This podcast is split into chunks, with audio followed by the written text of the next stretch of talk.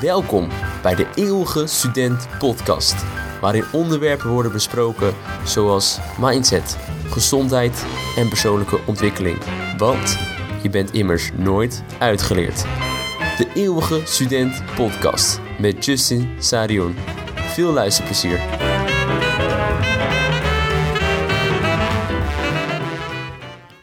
Rejection is simply redirection. Ik hoorde deze quote laatst bij de podcast van Jay Shetty en ik vond hem heel goed. Ik zal hem nog een keer noemen. Rejection is simply redirection. En dat is precies wat we gaan bespreken in deze aflevering. Nee is ja. Hoe vaak krijg je een nee op een dag? Of het nou is voor je studie, werk, relaties, je dromen, noem het op. Soms wordt er nee tegen jou gezegd, maar soms zeg je ook nee tegen jezelf. En bij nee zien wij vaak dat er een einde is. Een punt, een stop. Het kan niet meer. Maar nee is ook vaak een begin voor nieuwe mogelijkheden. Zoals die quote al zegt: Rejection is simply redirection. Dus een afwijzing is helemaal geen einde. Het is een nieuwe mogelijkheid om een nieuw pad te bewandelen, nieuwe opties te bekijken, een nieuwe toekomst, een nieuwe carrière. Dus in deze aflevering gaan we merken dat nee zeker niet altijd negatief is en in veel gevallen zelfs positief is. Rejection, afwijzing hebben we allemaal in ons leven en dat hebben we nodig. Maar het gaat erom, hoe ga je met die afwijzing om? Heel veel mensen die stoppen, zijn afgewezen voor een droombaan, droomstudie, misschien wel droompartner en houden op en nemen genoegen mee. Maar juist kan je die motivatie gebruiken van die afwijzing om ermee verder te gaan. Een mooi voorbeeld hiervan is Neil Strauss. Neil Strauss is een bekende schrijver, schrijver van boeken zoals The Game en The Truth, waarvan The Game een best-selling boek is. Hij werd op het eerste moment niet toegelaten tot de opleiding journalistiek, wat natuurlijk een logische vervolgtraject is als jij de journalistiek in wilt gaan en ook een schrijver wilt worden. Hij ging er echt niet bij de pakken neerzitten toen hij kreeg te horen dat hij niet was aangenomen voor de studie. Hij ging gewoon werken, gewoon aan de slag bij een bedrijf waar hij kranten kon schrijven. Uiteindelijk ontwikkelde hij zich. Hij kwam bij de New York Times, bij de Rolling Stones, de grootste tijdschriften en kranten van de wereld eigenlijk. En zo heeft hij zijn weg omhoog weten te werken. En dat kwam eigenlijk allemaal door die afwijzing. Hij gaf in een interview ook aan dat door die rejection van de opleiding hij eigenlijk redirected werd meer naar de praktische kant op, meer naar hoe gaat het in werkelijkheid. Hij gaf ook aan dat hoogstwaarschijnlijk als hij was aangenomen, hij niet zo succesvol zou zijn geweest als dat hij nu is. Dus hier zie je ook weer dat die rejection die hij had gekregen voor zijn opleiding, zijn droomopleiding, eigenlijk simpelweg een redirection was. En dat hoor je ook vaak waar de ene deur zich sluit, opent een ander. En dat is het ook heel vaak met een nee of ja. Als je ja krijgt, opent er een deur en ga je die deur in. Maar als je nee krijgt, sluit die deur of gaat die deur nooit open. En vaak zien we dat iets als negatiefs. Maar je kan het ook positief zien. Oké, de ene deur gaat misschien niet open, maar dat betekent dat nog heel veel andere deuren zijn die nog open kunnen gaan.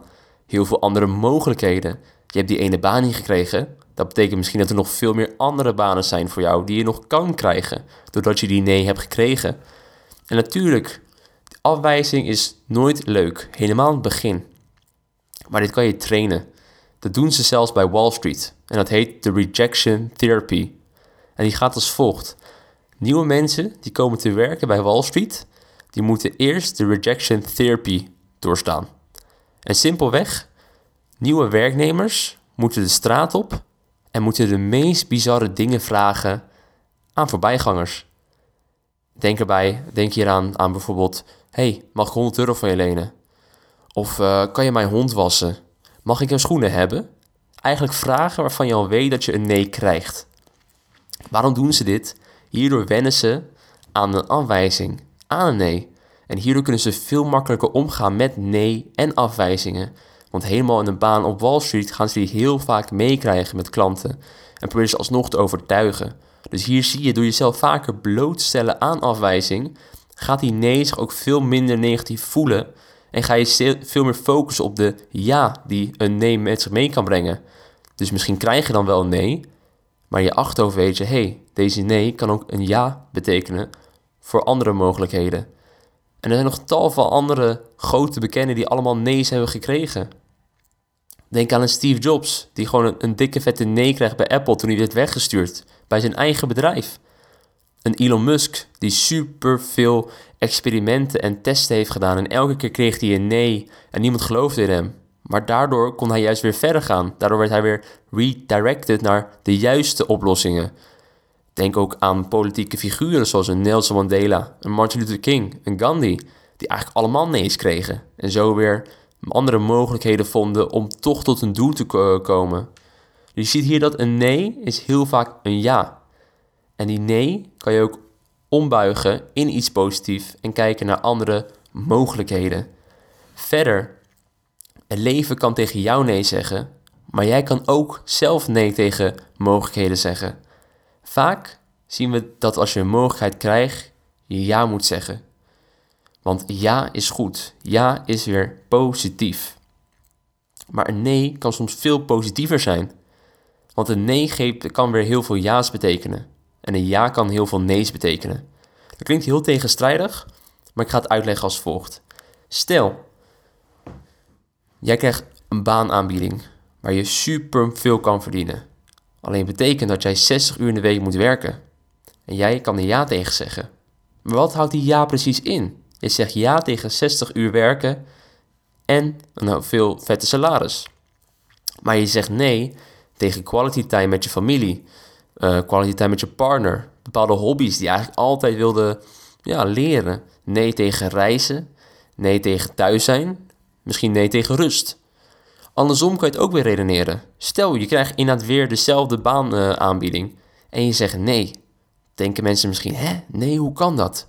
Maar door nee te zeggen tegen die baanaanbieding, zeg je bijvoorbeeld wel weer ja tegen die hobby's die je zo graag wil leren. Tegen je familie met wie je tijd wil besteden.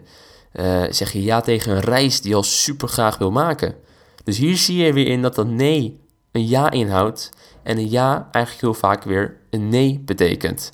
Dus nee is niet per se negatief. Jouw nee's worden eigenlijk ja's. En jouw ja's worden eigenlijk nee's. Dus ga bij jezelf na. Wanneer je ja wilt zeggen, waar zeg je nee tegen? En wanneer je nee zegt, waar je juist ja tegen zegt. Dan maken beslissingen veel makkelijker voor je in je leven. Als je dat in orde hebt. Als je weet, oh ja, mijn nee betekent is maar één nee, maar het betekent zoveel ja's.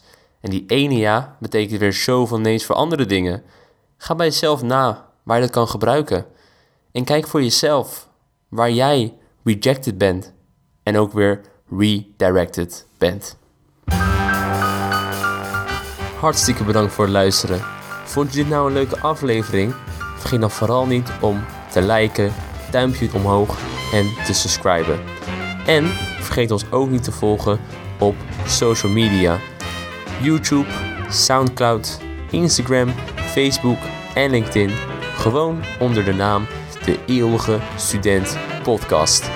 Nogmaals bedankt en tot de volgende keer. Dit was De Eeuwige Student Podcast met Justin Sarion.